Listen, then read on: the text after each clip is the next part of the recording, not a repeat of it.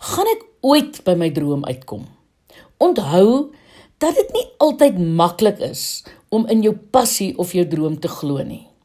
Omdat ons almal onder druk verkeer om te oorleef, veral finansiëel, is dit menslik om te glo dat jou droom 'n luukse is, iets waarvoor jy nie nou tyd en nou geld het nie.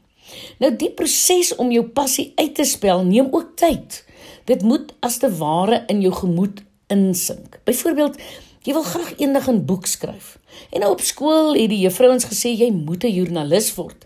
En familie herinner jou gereeld daaraan dat jy talent het om te skryf. Maar die lewe is dol en vinnig.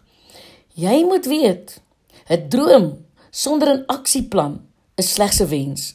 As jy nie in begin maak nie, gaan dit net 'n wens bly.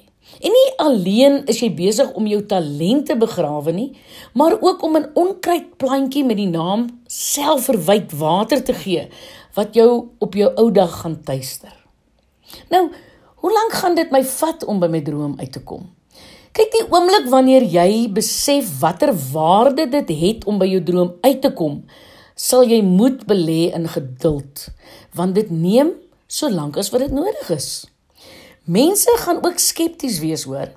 Jy sal moet leer om selektief te luister. Ander se raad kan jou maklik ontmoedig en van koers afgooi. Mense wat hulle drome verwesenlik het, sal getuig dat dit jare geneem het om bo uit te kom. Vra maar vir my. Teleurstellings en oorbegin maak verseker deel uit van jou verhaal. Jy kan wag dat iets gebeur of jy kan die bil by die horings pak en dit self laat gebeur. Alles in die lewe begin met 'n gedagte. Elke uitvinding was 'n gedagte wat in 'n plan met aksiestappe oorgegaan het. Thomas Edison het gesê: "Baie van die lewe se mislukkings is mense wat nie besef het hoe naby hulle aan sukses was toe hulle moed opgegee het nie." Moenie wag vir eendag nie. Daar is nie 'n eendag nie. Daar is net nou. Begin sommer nou. Nou wat is die volgende oefening? Kyk, vervolgens werk jy aan jou soepelheid. Wanneer jy klaar gedink het en jou drome en woorde uitgespel het, en onthou, dit is 'n proses wat aanhou en jy mag byvoeg en verander aan jou droom, want dit is joune. Nou daarna het die tyd aangebreek om te begin doen. Jy begin tree gee in die regte rigting, sigbare tree waaraan jy jouself kan meet. En daar is 'n gesegde dat 'n mens lewe gee aan iets wanneer jy dit uitspreek, net soos wat jy dinge dood kan praat met jou woorde. Nou die volgende belangrike stap is daarom om jou droom te artikuleer en dan te visualiseer. Nou so gee jy hom lewe en maak jy hom prioriteit en deel van jou dink en doen. En as jou droom is om 'n boek te skryf, neem sommer 'n foto van jouself met 'n boek in jou hand en plak dit op waar jy dit daagliks kan sien. En as jy Parys toe wil gaan, druk vir jou die Eiffeltoring uit en sien jouself daar staan. Visualisering is 'n kragtige hulpmiddel wat jy moet inspann. Hoe behou ek my fokus? Een ding van droomoefeninge is die baie selfgesprekke wat moet plaasvind. Kopsessies waar jy die vrae gaan vra en die antwoorde sal moet gee. Ek het gevind dat my gym sessies op 'n stilstaande fiets of 'n trapmeel goed werk vir die soort gesprekke.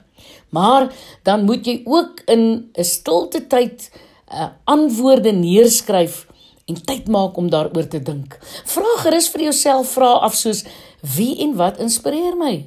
Waar het my inspirasie in die verlede vandaan gekom? En wie of wat inspireer my vandag?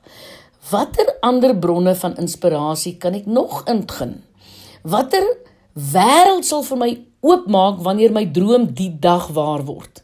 En watter mense en geleenthede sal in my nuwe wêreld inkom? Waar lê my kreatiwiteit en hoe lyk dit? Watter deel van my kreatiwiteit is ek besig om af te skeep deur nie tyd daarvoor te maak nie? Hoe kan ek hierdie kreatiwiteit inspann om my droom waar te maak? En wat maak my vandag opgewonde?